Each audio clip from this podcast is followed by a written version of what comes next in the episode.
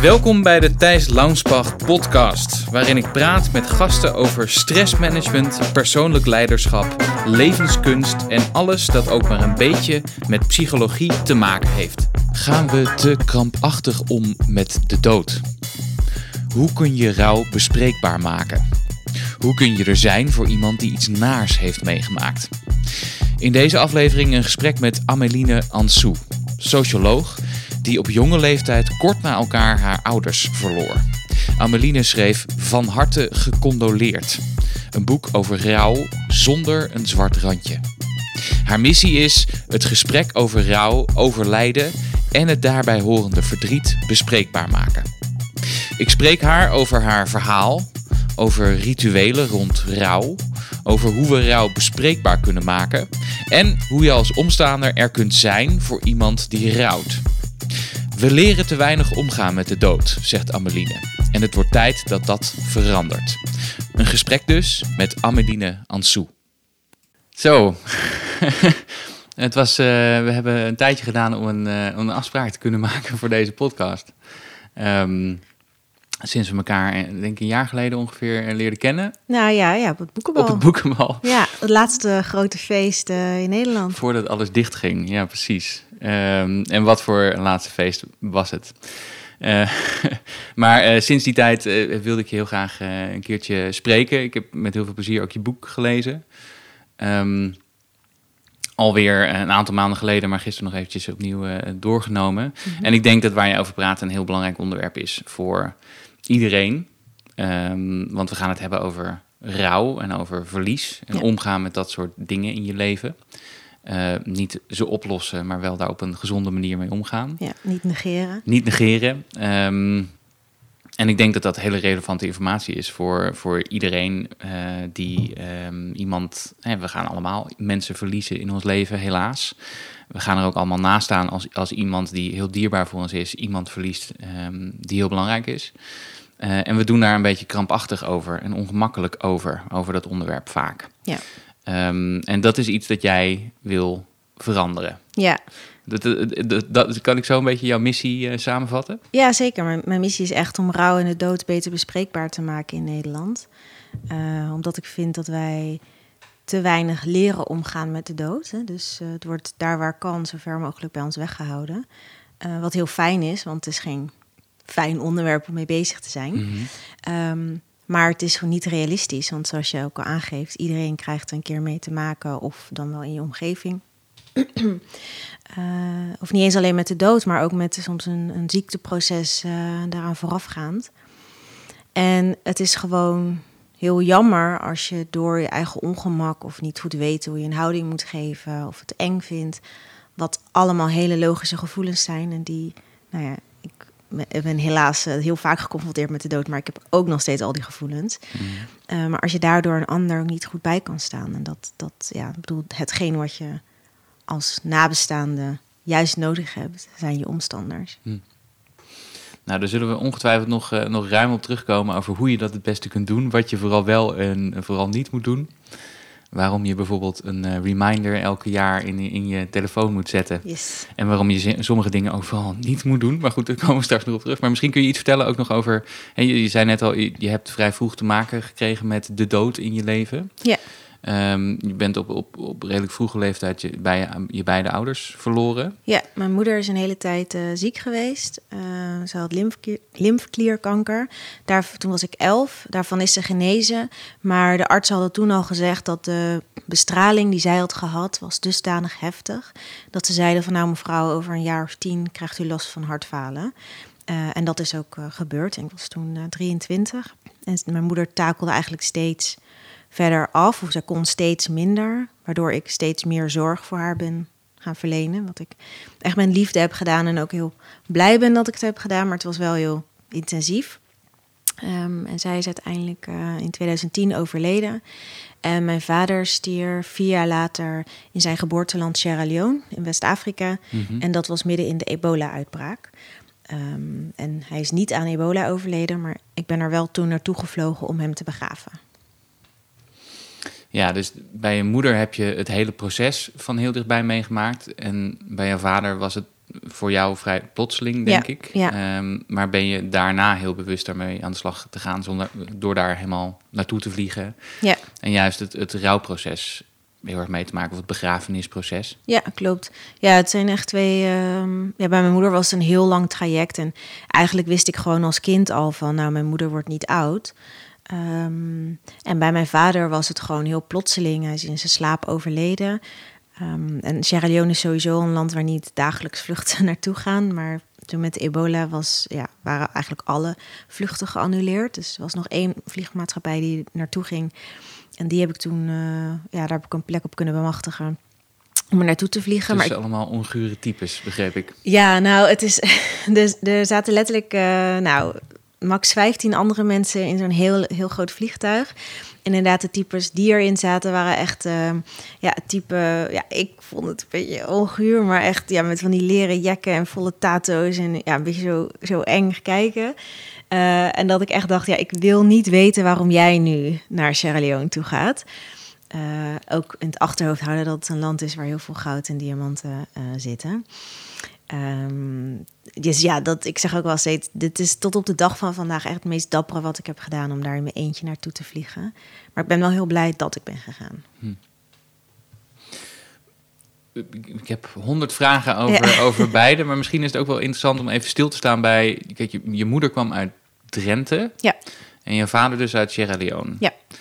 Dat betekent dat jij in, in vrij korte tijd ook het afscheid van beide hebt meegemaakt. En ook misschien daar wel hele grote culturele verschillen in hebt gezien. In Ja. hoe, hoe er met de dood wordt omgegaan vanuit Drenthe, zeg maar. Het zal niet in, misschien in Drenthe geweest zijn, maar en, en, en, en daar. Ja. Kun je daar iets over zeggen, over wat jou opviel? Nou, ehm, het verschil viel me pas op na de begrafenis van mijn vader. Omdat ik ben gewoon, eh, ik ben een geboren en getogen Rotterdammer. Zoals je eh, helaas door deze covid-pandemie heel goed hoort, omdat je de stad niet meer uitkomt. Ehm, maar ehm, ja, ik ben gewoon in Nederland opge- opgegroeid en opgevoed. Dus dat is wel mijn, ja, mijn beeld en mijn normaal. En hoe ouder je wordt, hoe meer je ziet dat er ook wel verschillen zijn eh, eh, tussen Rotterdam en Drenthe. Ehm, maar ik denk dat dat wel gewoon doorgaans een, een ja, Nederlandse manier van omgaan met rouw was. Dus eh, ja, de begrafenis max zes dagen na het overlijden van mijn moeder. En best ingedogen en in het zwart gekleed. En ehm, ja, heel rustig eigenlijk. En in Sierra Leone was het juist heel groot. En echt, ja, overal kwamen mensen. En ik moest daar in het eh, wit gekleed, zeg maar. De directe familie ging in het wit gekleed. Nou, dat is natuurlijk voor mij een gevoel, iets wat je aantrekt bij een bruiloft, niet bij een uitvaart. Ehm, en mijn eh, eh, stiefmoeder die moest blauw aan. En ook altijd de, tot aan de uitvaart dezelfde jurk. Dus het idee van ja, je mag je niet wassen of je mag niet.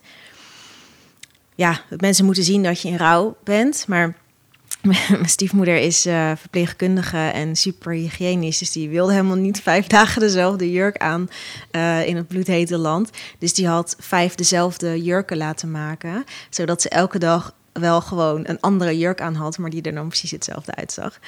Ehm, maar daar was juist heel veel, heel hard huilen en heel veel, heel veel eh, je aanraken. Nou, dat, dat is bij ons ook iets minder. In de tijd van ebola. In de tijd van ebola, wat dus ook echt niet mocht. Eh, wat ik ook echt wel eng vond. Eh, want ehm, mijn vader, we hadden een condoleance in huis.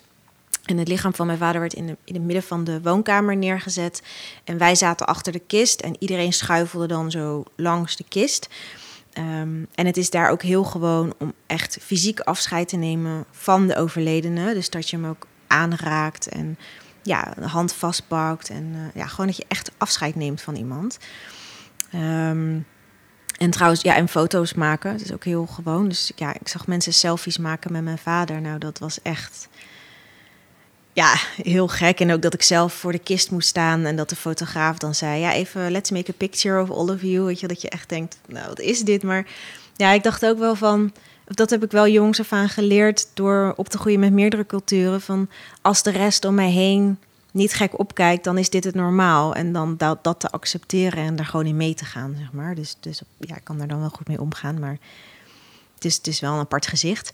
Uh, en vanwege ebola mocht je ook het lichaam eigenlijk niet aanraken. Dus er was steeds iemand omheen eh, van de uitvaartonderneming die zei: ja, don't touch the body, don't touch the body. En wat heel mooi is dat um, in Sierra Leone is ongeveer 60% moslim, 30% christenen. En de rest heeft een ander inheemse geloofd.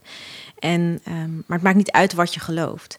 Dus er waren zowel moslims als christenen die hun eigen gebed opzegden rondom de kist van mijn vader. En dat, ja, dat, dat vond ja, dat.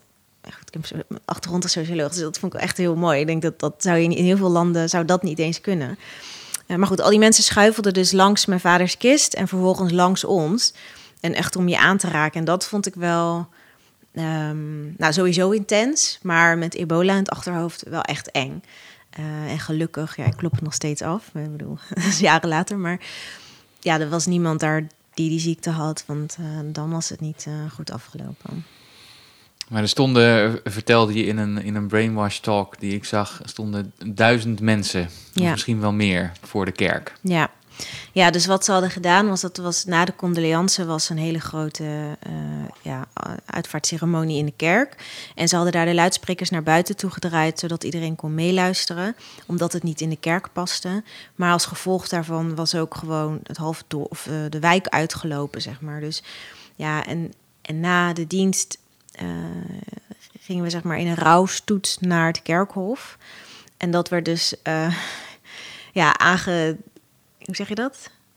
Uh, aangekondigd? Aangekondigd of ze door een fanfare band. Dus echt van die trommels. En echt ja, een stuk of, nou, ik denk vijf, zes van die mensen met trommels die voorop gingen. En dan mijn vaders lichaam. En er was een, een auto waar ze een foto van mijn vaders gezicht ja, hadden op afgedrukt. Maar dat was echt, ja, dat besloeg gewoon de hele vooruit van echt van zo'n Range Rover formaat auto.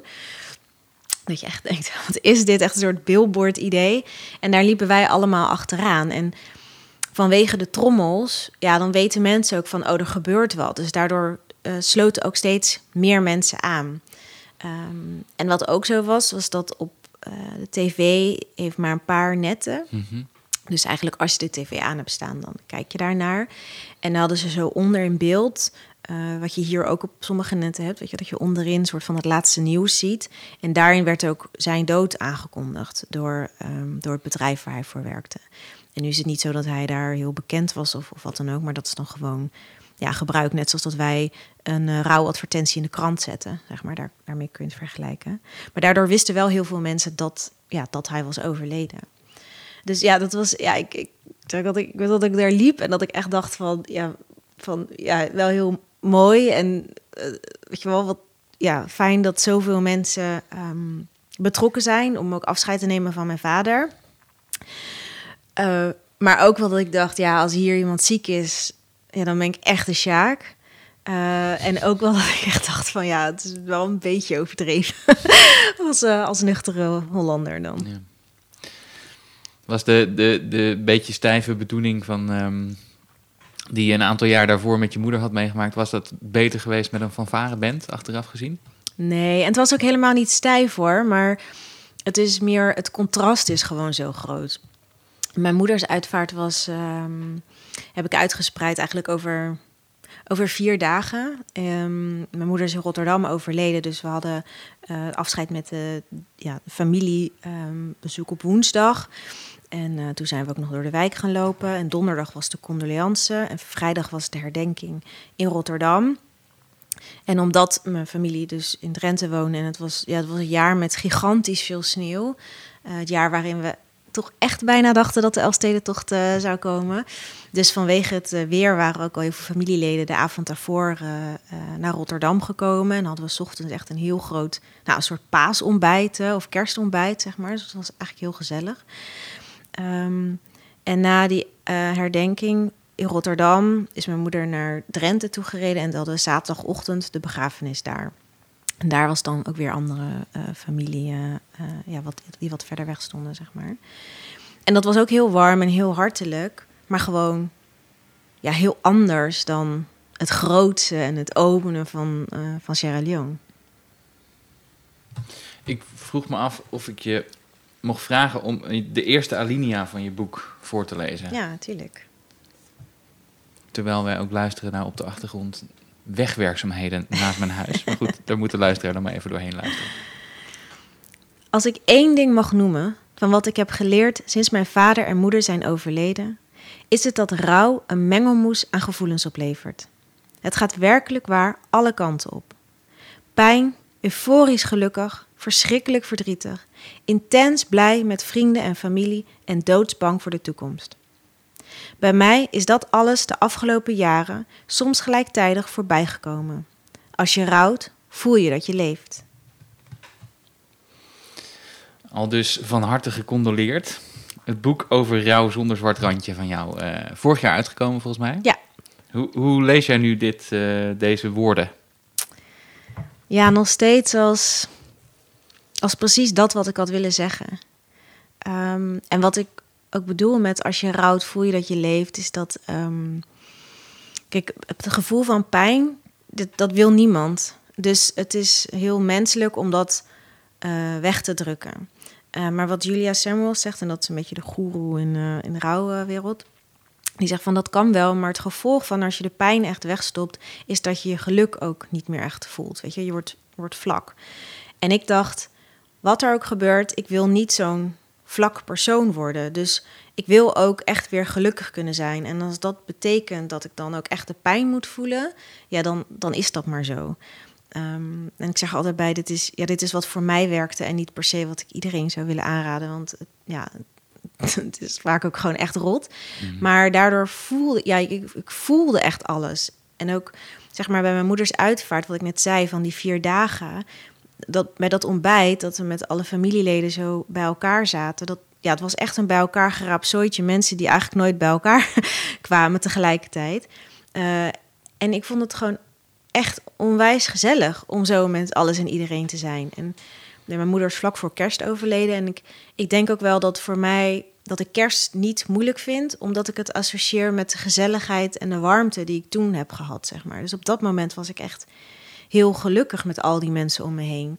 En twee uur later was ik dus, ja, echt heartbroken en uh, nou, je moest me half wegslepen omdat je gewoon zo verdrietig bent. Maar vooral dat, ja, die, dat op en neer gaan, ja, dat, is ook gewoon doodvermoeiend. Um, maar ja, voor mij was het wel van. Ik voelde echt dat ik, dat ik leefde. Hm. Is dat misschien ook een, gelijk een van de, van de misvattingen die er vaak is over rouw? Dingen die niet zo goed begrepen worden. Dat het niet één ding is. Dat het niet alleen om verdriet gaat, maar dat het een hele complexe emotionele belevenis is. Ja, denk ik wel. En vooral omdat. Um, kijk, ik denk met, met, met heel veel dingen hebben we gewoon heel snel aannames. Of van zo, hoor, zo hoort het.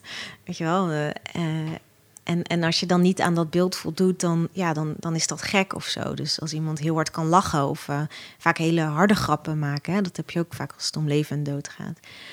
Um, dus ja, ik denk zeker wel dat dat daar aan bijdraagt. Hm. Wat zijn nog meer een aantal misvattingen die we hebben over verlies, rouw in jouw uh, beleving? Um, goeie vraag. Misvattingen. Mm. Nou, ik denk het, het belangrijkste is wel dat, dat uh, we gewoon in het algemeen heel erg gewend zijn om te denken in oplossingen. Uh, dus als je gesprekken hebt dat je denkt, oh, de ander heeft een probleem en dat moet ik oplossen. En rouw, pijn valt niet op te lossen. En als omstander, uh, of ook als nabestaande, als moeder die kijkt naar haar kind of zo, maar um, is het niet aan jou om die pijn weg te halen? Of ja, dat, dat gaat je ook gewoon niet lukken, want die, die pijn is er. En dat, dat, ik denk wel dat het proces van rouw is heel eenzaam, want niemand ervaart de pijn zoals jij dat voelt. Uh, ik zag ook wel van, ja, ook al verlies je allebei dezelfde persoon, hè, als bijvoorbeeld een vader overlijdt, uh, dan verlies je dezelfde de man, um, maar niet dezelfde vader. Want de relatie die jouw broer of zus heeft met je vader is niet hetzelfde als die jij had. Dus, dus ik denk dat, dat dat denken in oplossingen of denken van ja, ik moet, het, ik moet de pijn minder groot maken. Dat is denk ik wel de grootste misopvatting. Want dat, dat kan je niet, maar dat verwacht ook niemand van je. Mm. En ik denk doordat we ons dat dan opleggen, daarmee raken we soms een beetje in de knoop. En, nu moet ik wel zeggen dat het afgelopen jaar um, is er al veel meer aandacht voor rouw. En ook veel meer dat mensen um, ja, ja, erover durven te praten. Uh, en ook daarvoor, ik bedoel, het is niet alsof niemand ermee bezig was natuurlijk. Ehm, maar ik wil niet dat het een, een tijdelijke trend is. Hmm. Weet je, we moeten hier blijvend open over praten. Het moet gewoon onderdeel worden van ons systeem. Ja. ja, het moet gewoon onderdeel worden van het leven, zei je bij Jinek. Ja, Vandaar ook het, het boek over rouw zonder zwart randje. Ja. misschien. ja. Ja, omdat eh, wat ik, ik ben het gaan schrijven omdat ik zelf een boek miste over rouw ja, zonder zwart randje. ja. Waarom was dat er nog niet? Dat, eh, eigenlijk idioot. Nou, ja, ja dat nou, weet ik niet. Maar ik denk deels ehm, misschien omdat we, eh, ja, dus het beeld van wat we hadden van rouw is alles is eh, kut en zwaar en moeilijk.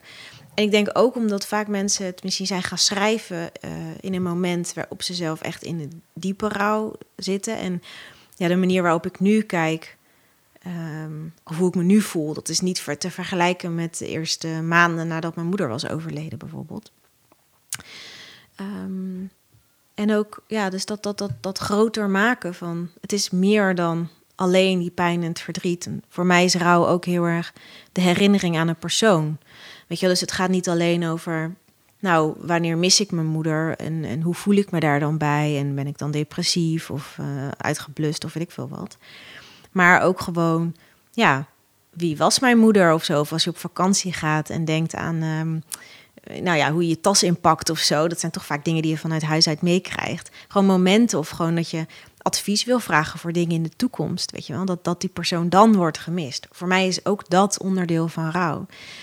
En wat ik merkte aan mezelf als ik eh, boeken las van eh, andere eh, auteurs, dat het vaak ook niet ging over, ja, tussen aanhalingstekens mijn leeftijdsgroep, dus eh, jongvolwassenen. Ehm, maar ook dat het vaak zo'n hele opsomming was van alles wat heel slecht ging met iemand.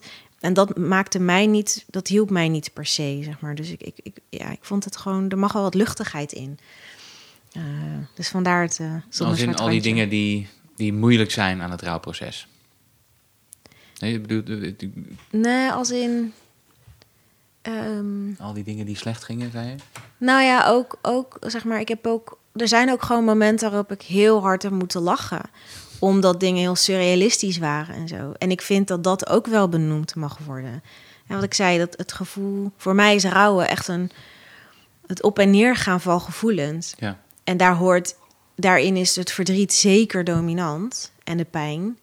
Maar daar zit ook ja, humor in. En ook een gevoel van liefde en warmte.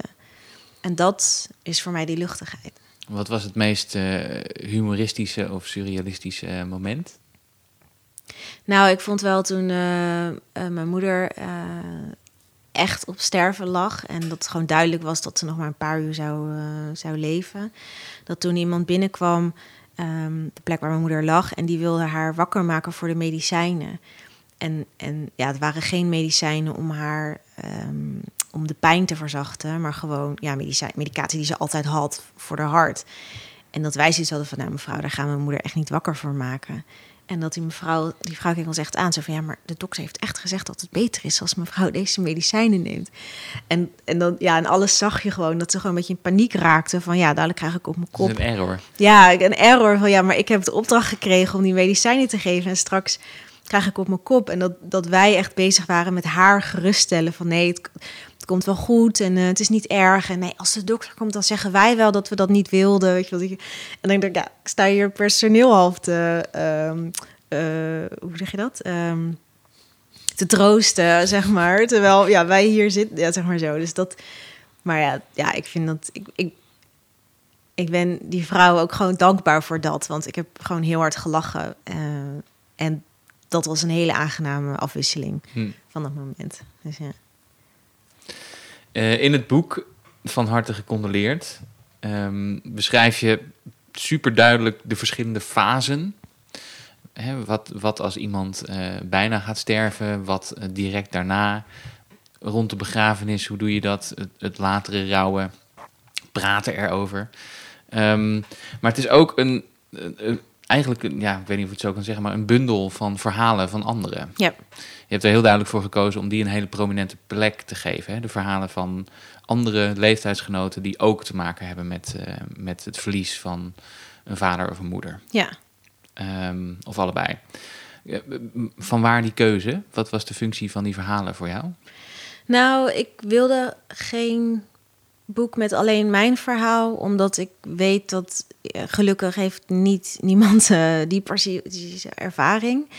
En ehm, ik vond het belangrijk om een boek te schrijven waarin iedereen een gevoel van erkenning en herkenning in zou vinden. Dus ik heb eerst een jaar lang gesproken met mensen uh, die net als ik te jong boven de kist van hun vader of moeder hebben gestaan.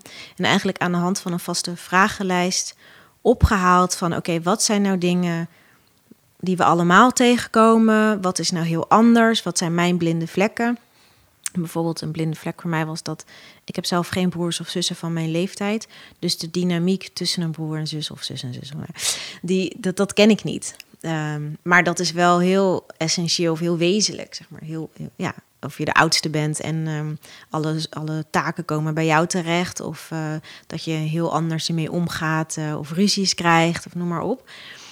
Uh, en eigenlijk heb ik aan de hand van die verhalen de hoofdstukken bepaald. Van oké, dit zijn dan dus echt de dingen die, die sowieso omschreven moeten worden.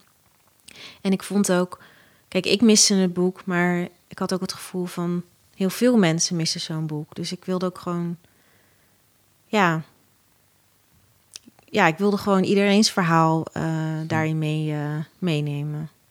Wat waren nou in die verhalen? Want je hebt misschien eh, je hebt twintig mensen geïnterviewd of ja, totaal, ik heb, zoiets? Ja, tussen twintig en dertig mensen gesproken, ja. Wat, wat waren nou de dingen die jou die nu nog bleef, meest blijven hangen van, van die gesprekken? Misschien de dingen die heel erg hetzelfde waren als hoe jij het hebt meegemaakt, of juist heel erg verschillend waren? Uh, wat me heel erg is opgevallen is dat uh, voor iedereen nou, met uitzondering van, maar voor heel veel mensen dat het gewoon heel fijn was om weer eens van A tot Z hun hele verhaal te mogen vertellen.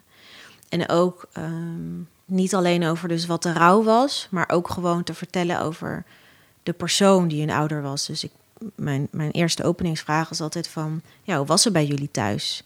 Weet je, ging je met je vader naar het museum of uh, was je moeder degene die hielp met schoolwerk, nou, noem maar op. En daardoor komt die persoon ook gewoon weer tot leven, zeg maar. En en nou, dat, dat vonden mensen heel erg fijn. En wat ik zelf niet had kunnen bedenken op voorhand, was dat ik uh, me realiseerde dat ik zelf ook heel weinig sprak over rouw. Hmm. Terwijl ik al heel lang bezig was met het boekidee. Maar gewoon echt van, oké, hoe ging dat bij jou? En oh, dat is eigenlijk heel anders dan wat ik had. En ook van, oh, wat heb ik het mezelf onnodig moeilijk gemaakt. Uh, en uh, oh, nou ja, hoe jij dat deed, nou, dat is eigenlijk best wel handig of zo. Dus dat, dat, dat, dat gevoel van erkenning hmm. had ik zelf ook heel erg gemist. En dat had ik eigenlijk niet door. Dus voor mij als nabestaande is dat me echt uh, ook heel erg bijgebleven. En ook, want we hebben uiteindelijk, um, het leest als een keukentafelgesprek. En we hebben ook echt zo'n keukentafelgesprek gehad. En ik was daarvoor heel erg zenuwachtig. Want ik dacht, ja, ik ga toch allemaal mensen hier dingen vragen uh, over ja, moeilijke periode. En zij zaten allemaal van, ja, maar dat weten we toch. Daarom zitten we hier en dat is juist fijn. Uh, en dat dat, ja, ook dat, dat dat gewoon heel gezellig was. En dat was ook heel afwisselend met, ja, dan één die even in tranen was en dan weer een grap en dan weer serieus. En dat ging, heel, dat ging gewoon door elkaar. En dat, dat vond ik heel mooi. En dat gun ik ook echt, uh, nou ja, alle nabestaanden ik bleef nog even hangen op dat je zei: Ik heb het mezelf misschien ook wel onnodig moeilijk gemaakt. Ja. Kun je daar iets over zeggen? Ja, nou, wat uh, Marleen uh, blijft me dan heel erg bij. En uh, we hebben ongeveer dezelfde leeftijd. En haar moeder is um, bij een uh, duikongeval overleden. En zij had bijvoorbeeld dat ze zei van dat ze het heel erg moeilijk vond om een vriendin met haar moeder te zien. En ik vond dat ook heel moeilijk. Maar ik dacht, ja, dit hoort er nou eenmaal bij. Hier moet je doorheen. Dit slik je in. Je gaat er gewoon heen, zeg maar zo. En zij zei, ja, de eerste keer dat ik bij een vriendin thuis kwam en haar moeder zag... en dat tafereeltje, dacht ik, ja, dit trek ik niet. En dat heb ik ook gezegd. Van ja, ik hou van jullie, maar dit trek ik niet. Dus voorlopig kom ik niet meer. En het enige wat die moeder zei was... Ach kind, ik snap het helemaal. Uh, doe vooral wat goed voelt voor jou. En dat was voor mij echt zo'n besef dat ik dacht van jemig, waarom heb ik mezelf dat zo opgelegd? Dat ik, dat ik daar maar doorheen moest en niet aanstellen. En dat ik nu ook denk van ja, de reden waarom ik dat ook heb gedaan, was omdat ik dacht dat dat, dat, dat, dat gewoon zo moest. En ik had het er ook niet over met anderen.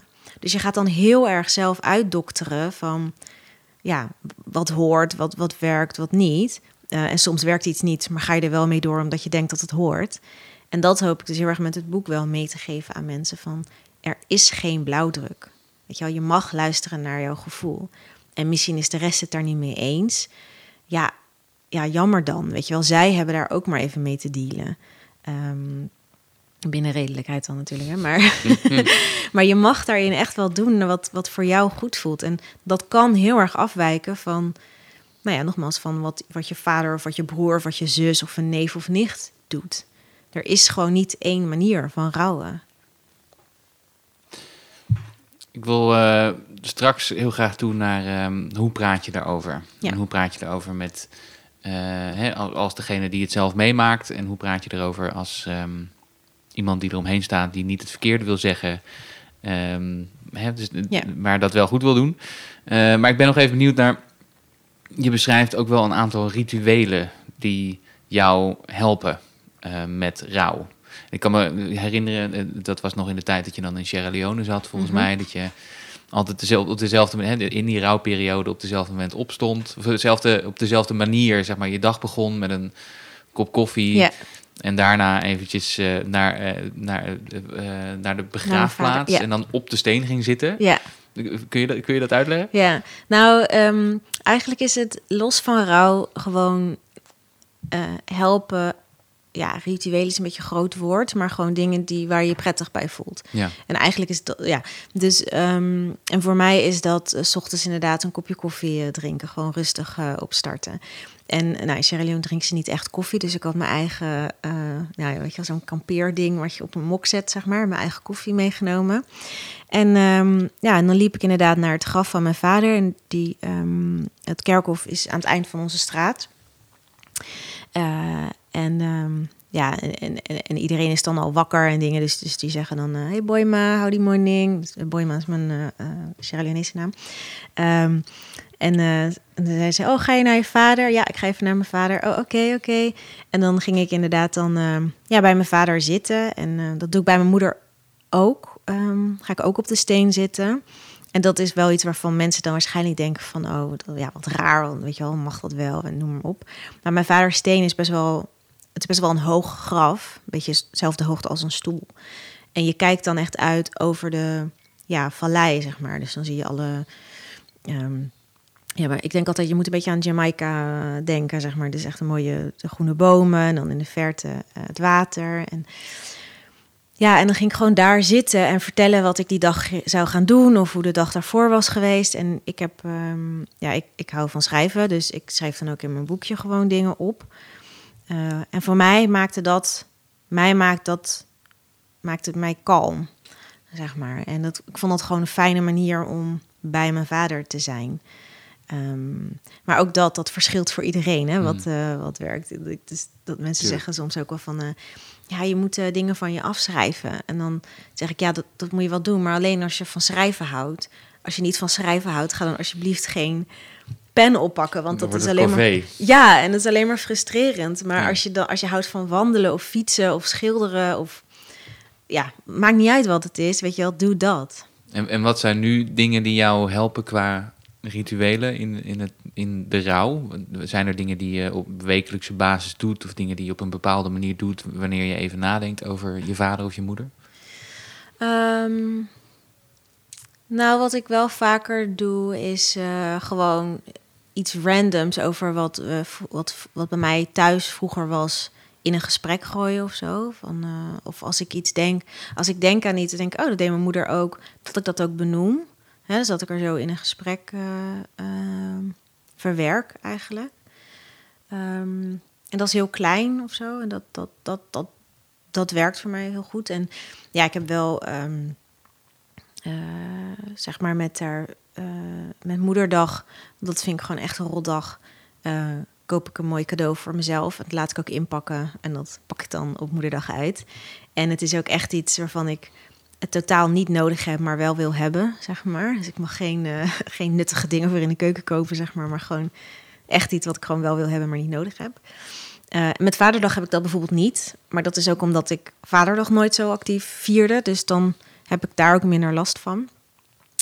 Ehm, op oudjaarsdag zet ik een, eh, dat is dan een uh, Surinaams gebruik, een, uh, steek je een kaarsje aan en zet ik er glas water naast. Ehm, en dat is omdat ze geloven dat op oudjaarsdag alle overledene mensen langskomen.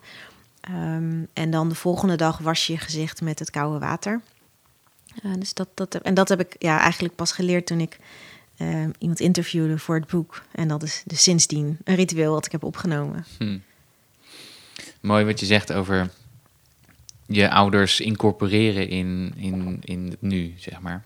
Ja. Ik moet denken aan dat ik ooit las over dat ze in Mexico of bij een bepaalde stam, ik weet niet, ik weet niet meer precies wat het was, maar dan, dan denken ze, vinden ze dat je drie keer sterft in totaal. Dus één keer als je daadwerkelijk sterft, één keer mhm. als je wordt begraven en één keer als je naam voor het laatst wordt gezegd. Ah.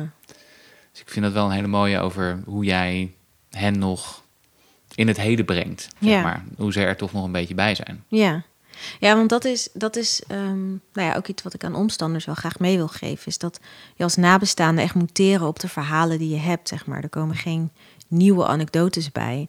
En dat is soms gewoon heel, vind ik, heel pijnlijk. Um, en daarom, ja, ik, ja, ik ik doe het dan ook vooral zeg maar bij mensen ook die, uh, of de grapjes die, ja, iedereen kent die inmiddels wel, die mij kent.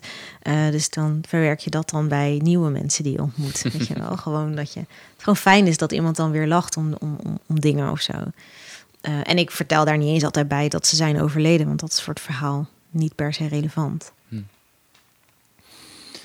Je, je missie is de dood beter bespreekbaar maken. Ja. Dus misschien is het goed om daarmee te beginnen. Ja. Um, ten eerste de vraag: waarom is het vaak zo ontzettend ongemakkelijk? De dood uh, van, van anderen of de dood als gespreksonderwerp. Ja. Uh, of over iets, als iets over waar we over nadenken. Wat, wat maakt dat zo ongemakkelijk voor ons? Nou, omdat we het ook linken aan onze eigen sterfelijkheid. En alles wat met onze eigen sterfelijkheid te maken is, is iets waar ons brein ons van zegt: Nou, dit is niet goed. Weet je wel, dus dat willen we wegstoppen. Dus, dus het is ook heel normaal. Um, en ja, en, en we, we worden veel minder vaak geconfronteerd met de dood. Hè. Dus vroeger ja, had je veel kindersterfte of oorlogen of uh, nou, allemaal verschrikkelijkheden. En nu hebben we door betere medicijnen gaan mensen niet dood, maar worden ze ziek en herstellen ze weer. Uh, dus, dus we zien het veel minder om ons heen. Uh, en dat is, ik bedoel, ik begrijp me niet verkeerd, dat is fijn. Maar dat heeft dus ook als gevolg dat we er veel minder mee worden geconfronteerd. Mm -hmm. um, en als derde, ja, ik vind dat we gewoon in onze maatschappij niet goed leren omgaan met de dood. Dus, um, en nogmaals, dat geldt echt niet voor alles en iedereen. En daar zitten verschillen in. Maar gewoon doorgaans, als we erbij weg kunnen blijven, blijven we erbij weg. En dat maakt gewoon dat je, als je ermee wordt geconfronteerd, dat je gewoon niet zo goed weet van, oh, wat moet ik nu doen? En niet eens alleen met de dood, maar dus ook soms met het proces er voorafgaand. Hè? Als iemand ziek is en dat je dat eng vindt en niet durft te vragen hoe het gaat. En dat je dan, uh, ja, dat mensen gewoon anderen negeren.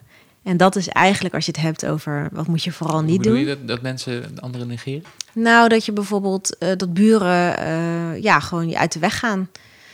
omdat ze niet durven te vragen van hoe het gaat. En het is ongemak, weet je. Het is vaak niet onwil of, of boosheid of bewust uitsluiten. Maar het is gewoon niet kunnen omgaan met eigen ongemak. Ja. En dat... Of denken dat dat dan het, door erover te praten, uh, dat je iemand pijn doet. Ja, ja. Ja, eh, bang zijn om het verkeerde te doen. Ja. En, um, en dat begrijp ik heel goed. Um, maar het is ja, zonde, omdat je iemand... Het is gewoon, het is best wel pijnlijk, weet je wel. Dat, uh, en ook daarin zitten weer allemaal wat voor de een werkt, werkt voor de ander niet. Want ik heb ook wel eens gehad dat mensen dan uh, ja, op straat tegenkomen en zeggen: Oh, is met je moeder? En dat je denkt, nou, uh, ik was net op weg naar de supermarkt, mag ik even dat doen? Maar um, ja, ik ben wel blij dat mensen het doen, zeg maar. Maar het is, ja, het is, het is heel. Het is, het komt ook eigenlijk nooit uit. Dat is een beetje het, het, ja, het lastige daaraan. En je weet ook nooit of een ander het echt waardeert of iets. Dus ik denk dat het ook goed is als mensen zich er meer over uitspreken.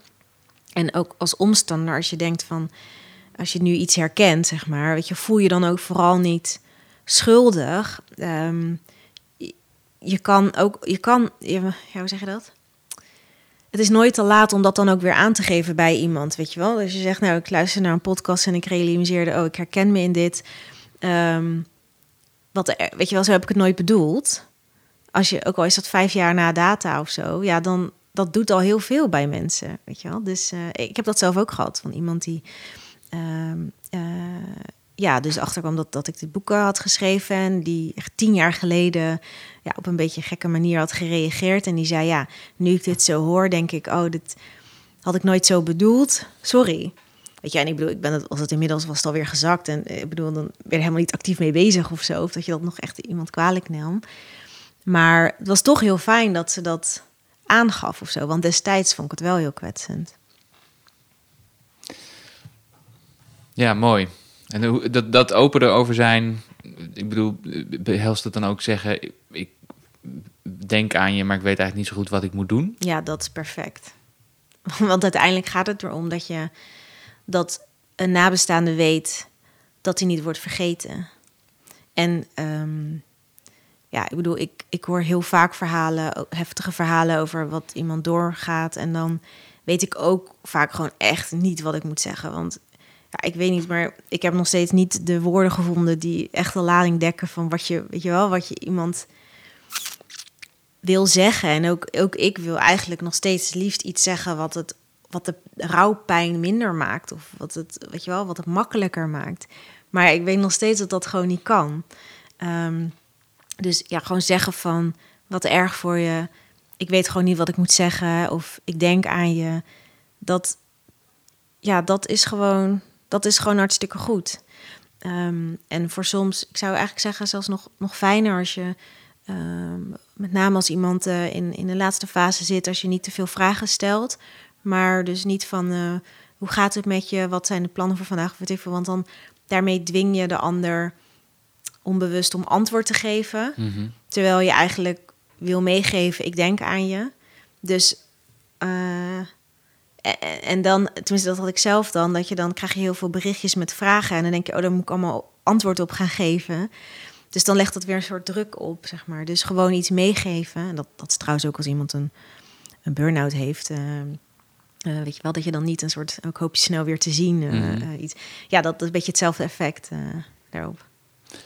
Ja, nou, ik heb mezelf daar ook wel eens op betrapt hoor. Dat iemand die dan in rouw was, maar niet heel dicht bij me stond, maar wel hè, waar ik wel over nadacht. Dat ik dacht, ja, moet ik nou iets, moet ik nou wel iets gaan zeggen? Of, of, of verplicht dat die ander ook weer om daarop te reageren en wil ik helemaal niet daaraan bijdragen? Ja, maar dus, kijk, maar als je dus laat zien dat je aan iemand denkt, dat is zo waardevol. Ja. En het is ook niet dat, dat, dat, dat als je iets krijgt met een vraag, dat je denkt, nou, daar gaat een kruis achter, want dat was niet de bedoeling. Nee, natuurlijk niet. Dus, ja. nee, ik kan me voorstellen dat je als, als, als bijstaander, omstaander, ook niet, ook niet te veel wil zijn. Ja, maar ook dat verschilt per persoon. Ja. Weet je, dus als je dan, als je dan, eigenlijk is het het handigste als je durft te zeggen van, nou, ik wil er heel graag voor je zijn, maar ik heb geen idee hoe. Wat, wat, wat vind je prettig? En wil je me ook aangeven als je, als je iets niet prettig vindt? En dat je dat als omstander ook durft te zeggen.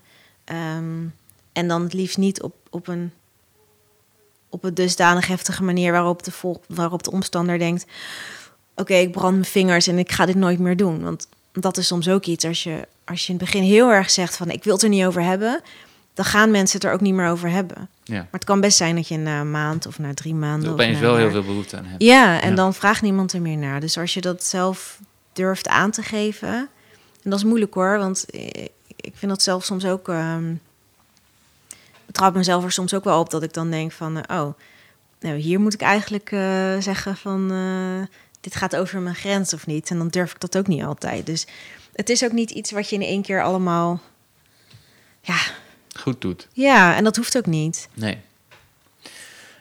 Je zei net ook, ehm, hè, dus een van de redenen dat het zo ongemakkelijk is, is dat we eigenlijk te weinig überhaupt meekrijgen van de dood. Of te weinig leren over de dood, of Ja. te weinig praten over de dood. Hoe, hoe, zou dat, hoe zouden we daar meer over kunnen leren? Hoe, hoe zou dat een, een, een betere plek kunnen krijgen in ons leven? Ja, nou, ik denk. ehm, eh, ik noem als het voorbeeld van eh, als, als een huisdier overlijdt, weet je wel, dat je dan een, ehm, niet, als de, als de goudvis uh, sterft, dat je niet stiekem een nieuw exemplaar in de kom stopt.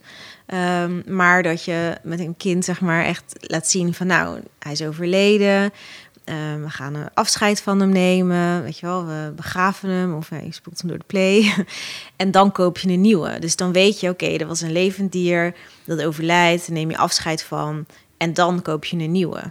Weet je wel, dus dan, ja, dan ga je die confrontatie eigenlijk aan. En een kind vindt dat ook, ja, ja oké, weet je wel. die leert daar ook van, neemt dat zo aan. Um, en ook als, als iemand uh, ja, het veel meer gewoon er niet voor wegdeinzen. Ik denk dat dat. Ja, en ook als je merkt dat het je eigen ongemak is. Of, of soms zijn mensen ook bijvoorbeeld. Uh, ik weet wel van, van een vriendinnetje van school die. Die, die dacht dat haar vader, dat er niks mis mee was. En ineens was hij dood. Terwijl hij al twee jaar ziek was. Of zo. En daar heel erg van werd weggehouden. Terwijl ze ook wel voelde dat er iets was. Weet je wel. Dus ik denk dat dat, dat wegstoppen ervan. Dat dat gewoon is gewoon niet handig. Um, ja, dat eigenlijk. Hm. En dat is natuurlijk voor met kinderen, dus dan begin je aan de basis. Um, en ik denk, en dat is helaas uh, ja, wel een beetje een opdracht aan nabestaanden nu. Dat als je in een omgeving zit waarin je uh, mensen om jou heen het eng vinden, ja, dan zal jij waarschijnlijk toch degene moeten zijn die zegt: jongens, ik zit hier mee. Of ik wil het hier eigenlijk wel over hebben. Of ik zou het fijn vinden als. Um, ja, je zou willen dat je niet zo groot hoeft te zijn. Maar ja, uiteindelijk denk ik. Um, help je jezelf en anderen er wel mee als je dat dan wel aandurft. Hm. En, en ook dat, uh, nou, dat is ook weer een tip van Marleen. Die gebruikte dus uh, een ander boek om dan bijvoorbeeld ook aan te geven van. Uh, die vond het bijvoorbeeld zelf heel moeilijk om dan te omschrijven wat ze voelde, of wist ze ook niet precies. Maar als ze dat dan las in, in een tekst, dan zei ze tegen haar partner van, nou kijk, dit wat hier staat, dit is hoe ik me voel. Weet je wel, dus dat je dat een soort via iets erover praat. Want ja, je hoeft niet in één keer alles uh, te doen. Een van de, van de plekken waar het, kan ik me voorstellen, heel ingewikkeld is om over, op een goede manier over rouw te praten, is je werk. Mm um, omdat je daar in principe niet echt onder vrienden bent, maar onder collega's. Het zijn mensen die vaak een beetje iets verder van je afstaan. Je bent natuurlijk met je gedachten bij, bij iemand die, die um, iemand verloren heeft. Maar je bent, je bent daar ook om een, om een taak te doen. Wat, wat zijn de grootste valkuilen en de grootste dingen die wel goed gaan rond rouw op werk? Uh, valkuilen of dingen die goed gaan? Uh, either. Begin, begin erbij eentje, zou ik zeggen. Ik ben, ik ben, wel benieuwd naar wat zijn de dingen die vaak fout gaan. Want heb ik, ik las volgens mij een verhaal in je boek over iemand die dan terugkomt na een rouwperiode en die ziet een collega en die collega die oh, duikt snel ergens een, een, een, een, wc in of een andere kamer in uit ongemak, zeg maar. Wat, hoe, hoe gaat het vaak mis? Laten we daarmee beginnen. Ik denk, um, nou laat ik vooropstellen dat het ook heel vaak goed gaat. Ja, natuurlijk. Ja. Dus, uh, en dat, kijk, we hebben in Nederland uh, wettelijke regels van hoeveel dagen verlof je mag. En uh, weet je, dat is allemaal heel netjes vastgelegd. Um, en ik denk dat met name bij overheidsinstellingen, dat daar gewoon best wel ruimhartig mee om wordt gegaan. Van ja, neem de tijd en je wordt gewoon ziek gemeld. En uh, weet je wel, we kijken wat bij jou past. En uh, dat mag jij aangeven en uh, noem maar, maar op. Um, maar daar waar bedrijven zich heel erg vasthouden aan de regels, daar gaat het vaak mis. Want de dagen die je wettelijk gezien krijgt, dat is gewoon niks. Weet je wel, dat is gewoon heel. Ja, dat, dat is minder dan een week. Ja, ben je dan over de, de dood van je man heen? Nee, weet je wel. Dus ja, dat, en, en ergens ik pleit hier niet per se voor dat het allemaal ontzettend opgerekt moet worden, want het blijft maatwerk. Uh, en iets wat je volgens mij in overleg moet doen. Maar als je daar heel erg aan vasthoudt als, als, als, als werkgever, dus ook helemaal in het kader van goed werkgeverschap, daar gaat het dan mis. Want dan merk je dat iemand dat of niet aan kan. Je voelt je ook uh, onder druk gezet. En uh, vergeet ook niet, uh, collega's zien ook hoe er dan mee om wordt gegaan. Hè? Dus dat geldt trouwens ook met als mensen een burn-out hebben. Mm -hmm. Als je dan ja, door een werkgever ehm, ja, een beetje wordt weggezet, dan denk je ook, nou oké, okay, dus als mij dit overkomt, dan wordt er zo mee omgegaan. Weet je wel. Dus Ja. Ehm, dus, dus dat. En voor collega's denk ik, voor, om, voor nabestaanden denk ik, wat goed is, is om wel met iemand te bespreken wat jij fijn vindt. Dus als je naar werk komt als afleiding en je wilt juist niet hebben over rouw, zorg dan dat collega's dat weten. Dus dat je zelf eerst een mail stuurt of dat je dat bespreekt met je leidinggevende en dat die namens jou een mail stuurt om dat aan te geven. Want ook daar geldt, collega's willen waarschijnlijk echt er voor je zijn, weten niet hoe, zijn bang om het verkeerde te doen. En als je dan weet van nou iemand vindt het vervelend om hierover te hebben, dan beginnen ze er niet over. En als ze weten, nou je vindt het wel fijn, dan zullen ze, ja, dan zijn er altijd mensen die dat niet doen, maar degene die dat intrinsiek wel willen, die komen dan naar je toe. Hm. En dat, dat, dat, dat maakt het gewoon wat helderder. En dat, dat zijn geen dingen die je echt vast kunt leggen, want wat voor persoon A werkt, werkt voor persoon B niet. Dus dat, dat, dat zul je toch echt zelf moeten aangeven daarin. Ja. Ehm, ja, dat. En ook, ik denk voor uh, collega's, een besef van als iemand dus in week 1 zegt van nee, ik kom voor de afleiding en ik wil het er niet over hebben. Ja, een half jaar later is het, is het nog steeds heel actueel. Weet je wel, dus het is, we hebben een beetje soms de neiging van oh, de uitvaart is geweest, het is klaar. Maar dan begint alles pas. Ja. En hoe iemand zich aanpast of, weet je, of, of ermee omgaat, dat verschilt gewoon heel erg. Dus um, ik noem het soms al met eh, een soort vergelijking met liefdesverdriet. Want dat is een pijn die bijna iedereen wel eens heeft meegemaakt in zijn of haar leven. En dat, um, nou, ik heb wel van vriendinnen gehad die dan bijvoorbeeld na zes maanden nadat een relatie was gebroken, vroegen van, hey, hoe gaat het met je? Of uh, weet je wel, zit je nog met je hoofd, uh, denk je nog aan hem of iets? Omdat ze dat van zichzelf herkenden, van dat ze na maanden nog steeds die pijn konden voelen.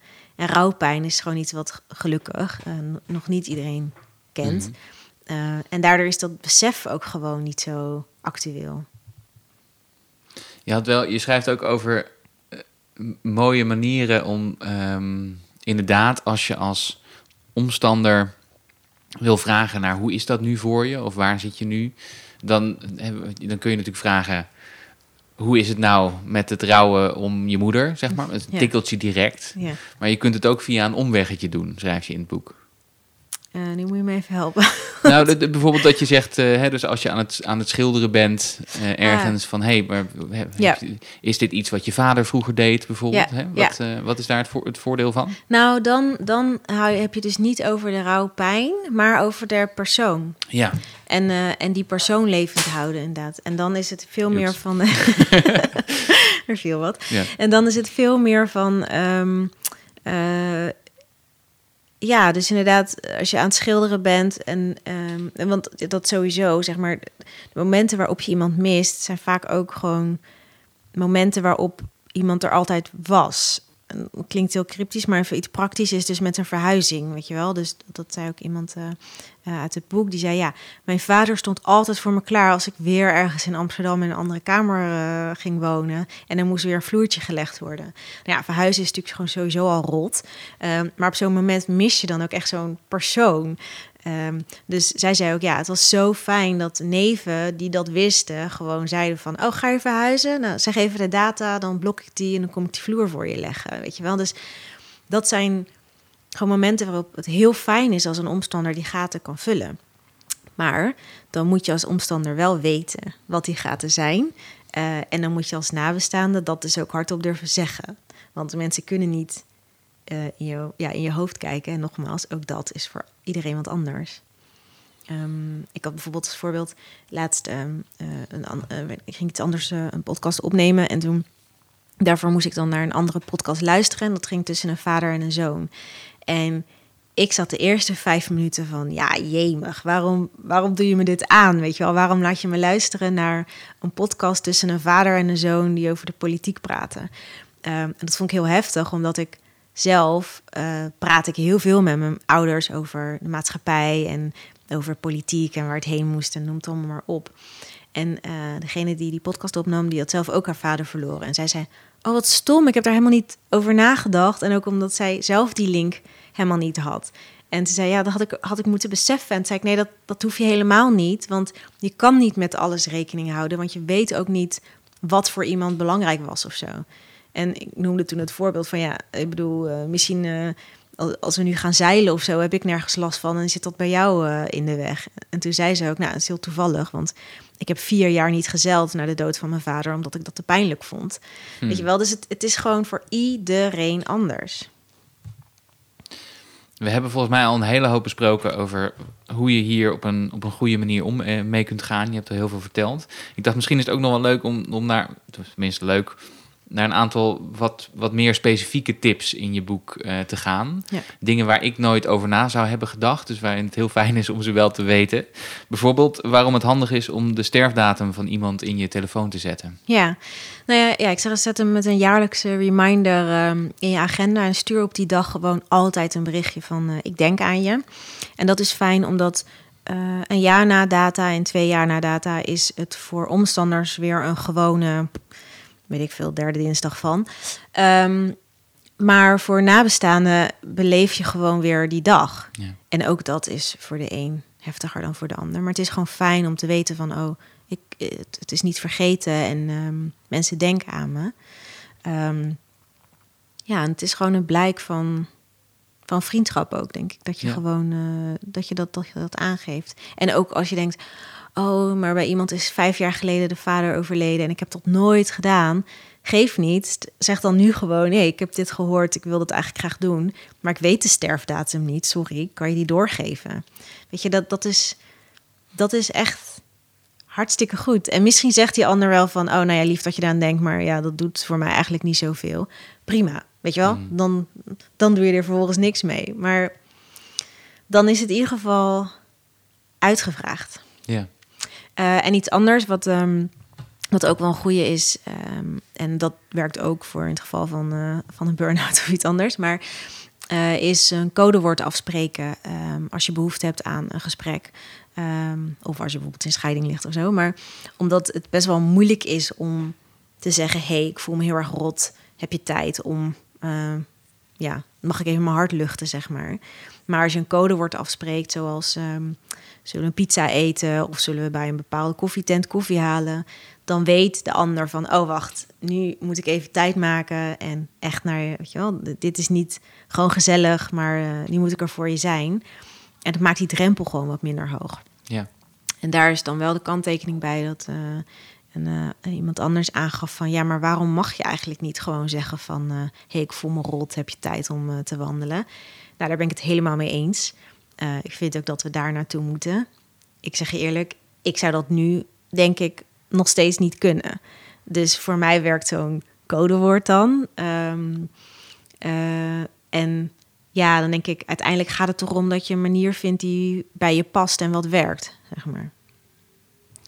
En waarom is het handig om rond dat iemand overlijdt alvast heel veel koffie in te slaan en, uh, mm. en sap en koekjes? Nou, omdat je hebt natuurlijk als mensen bij je op bezoek komen, dan ja, gastvrijheid, dan maak je koffie en dan weet je, dan zet je thee en uh, noem het dan maar op. En met name in de periode dat iemand uh, ziek is of zo, dan was mijn ervaring, kwamen heel veel mensen langs. En voor je het weet ben je de hele tijd bezig met die gasten entertainen, zeg maar. En dat zeg ik nu heel uh, oneerbiedig, want ik ben heel blij dat al die mensen langskwamen. Maar het kost wel gewoon hartstikke veel energie. Dus als je een lading inslaat en een briefje met zo werkt het koffiezetapparaat, dan gaan mensen gewoon uit zichzelf aan de slag en dan kost het jou geen energie.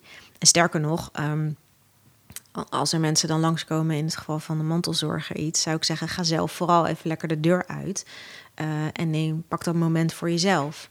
En bedoel, bezoek wil ook heel vaak juist wat doen maar weet ook niet zo goed hoe of wat, weet je wel. En als je dan koffie wordt aangeboden, dan denk je ook, nou ja, ja oké, okay, lekker, dankjewel. weet je wel, dus ik denk, ja, je helpt elkaar daarin ook, uh, ook mee. Hm. En oh, trouwens ook nog wel iets wat echt handig is, is, um, dat is in het geval van een ziekteproces, um, is dat mensen heel graag willen weten hoe het gaat, um, gelukkig. Uh, en daar dus ook naar vragen. Maar dat, is, uh, ja, dat, dat kost soms ook veel tijd en energie om al die verschillende mensen op de hoogte te stellen. En um, nou moet ik zeggen dat mijn moeder vond het bijvoorbeeld zelf heel fijn om haar verhaal te luchten. Dus die was heel erg blij dat zes mensen op een avond belden als ze wisten dat mijn moeder naar het ziekenhuis was geweest. Zodat ze zes keer haar verhaal kon vertellen. Um, ik vond dat heel vermoeiend. Um, maar dan helpt het als je zelf actief communiceert en laat weten hoe het met iemand gaat. Want daardoor is iedereen op de hoogte en dan kunnen ze gewoon daarop reageren. Uh, dus bijvoorbeeld door het maken van een verzendlijst uh, via WhatsApp of een afgesloten social media account, waar je bijvoorbeeld met een foto kan zeggen hoe de dag was of iets. daarmee blijven mensen geïnformeerd en betrokken zonder dat ze per se fysiek aanwezig zijn, en zonder dat ze allemaal los van jou, los van elkaar, dezelfde vragen gaan stellen. Hm. Dus één bericht naar, naar iedereen die, die daarvoor relevant is. Ja, ja. ja.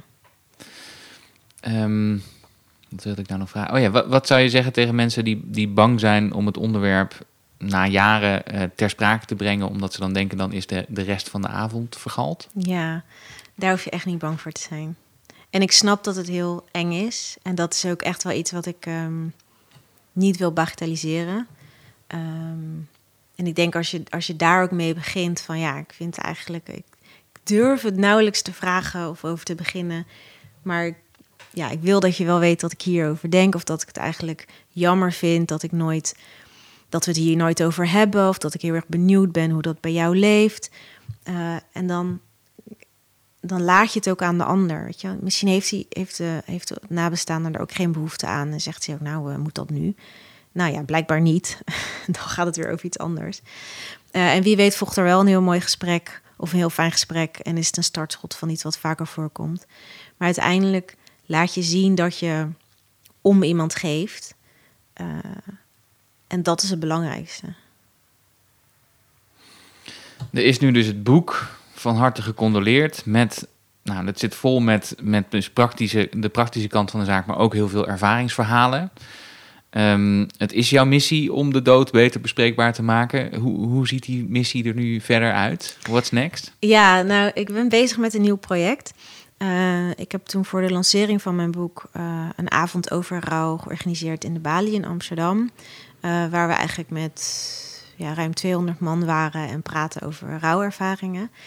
En dat wil ik eigenlijk in kleinere vorm door heel Nederland opzetten. Maar daarvoor moest eerst een ja, een lockdown voorbij mhm. zijn. dus ik ga er nu, uh, nu mee aan de slag om dat op te zetten. En het idee is dan echt juist om. Um, kijk, wat je nu hebt, is dat je heel vaak ook wel plekken hebt waar je over rouw kunt praten, maar dan wel op plekken waar de dood is. Dus bij een uitvaart. Uh, of um, ja, zeg maar een beetje afgesloten. En ik, ik wil het juist op plekken organiseren waar je gewoon sowieso graag wil zijn. Dus uh, in een strandtent of uh, in een eh, theater. Of, uh, ik zeg elke keer, ja, de missie is echt geslaagd als ik op de Libelle Zomerbeurs mag staan. nou, waarvan acten? Ze kunnen je vast gaan bellen ja. na, na aanleiding van je boek of van deze podcast. Um, ja, wat, ik, wat ik heel fijn vind aan jouw missie is dat het gaat over, ja, ja het is een zwaar onderwerp. Maar je kunt er ook gewoon over praten. Ja. Um, en het is misschien juist, het, natuurlijk kun je denken, nou misschien doe ik het wel verkeerd en dan in de kramp schieten. Maar het is eigenlijk veel belangrijker als je aangeeft dat je erover kunt en wilt praten. Ja. En dat je dat belangrijk vindt en dat je denkt aan die persoon. Ja. En, ja? en ook respecteert wat je terugkrijgt. Ja. Dus als iemand het er niet over wil hebben, is dat ook oké. Mooi. Waar kunnen mensen jou uh, over, meer over jou leren? Of natuurlijk, ze kunnen het boek kopen, van harte gecondoleerd. Uh, zijn er ook nog, uh, heb je een social media kanaal waar mensen zich kunnen aansluiten? Of een nieuwsbrief of iets dergelijks? Ja, ik ben al actief op, op Instagram. Um, sporadisch, dat zeg ik mhm. er wel bij. Um, dus dat eigenlijk, ja. En op mijn website staan ook linkjes naar andere um, ja, uitingen in de media waar ik ben geweest. Mooi. Ja. En, en, mochten mensen dit luisteren en denken, nou, ik, ik, iemand dichtbij me heeft iemand verloren en dat heb ik toen niet zo handig aangepakt een paar jaar geleden, dan kan het dus alsnog. Dat vind ik een hele troostende boodschap. Ja, ja, zeker. Ja, echt, dat is nooit te laat. En um, ja, ik zou ook zeggen, weet je wel, grijp dan juist als je, als je hier naar luistert dit moment aan, weet je wel. Want mensen denken, ja, hoe moet ik beginnen? Dan zeg gewoon, nou, ik hoorde laatst in een podcast over klaar, weet je wel. Het is ook niet uh, ingewikkelder dan dat, uh, hoeft het ook niet te zijn. Of um, ja, stuur mij een boek of dat van een ander, want inmiddels zijn er gelukkig meerdere uh, boeken over rouw met een luchtigere insteek gepubliceerd. Stuur die op en zegt gewoon met een briefje van, ja, ik moest aan je denken, weet je wel zo. Mooie noot om mee te eindigen. Dankjewel voor je missie en dankjewel voor dit gesprek. Dankjewel. Je luisterde naar de Thijs Launsbach podcast. De links, de namen en de informatie uit deze aflevering kun je vinden in de omschrijving. De muziek voor deze podcast werd gecomponeerd door Bart Liebeert en Hugh Blaines. Je kunt je voor deze podcast abonneren, dan krijg je een melding wanneer er weer een aflevering online komt. Dit kan via iTunes, via Spotify, via de andere podcastkanalen of via thijslaunsbach.nl. En mocht je daar dan toch zijn, schrijf je dan vooral ook in voor mijn nieuwsbrief. Dan hou ik je op de hoogte van alle nieuws rond boeken, columns en podcasts.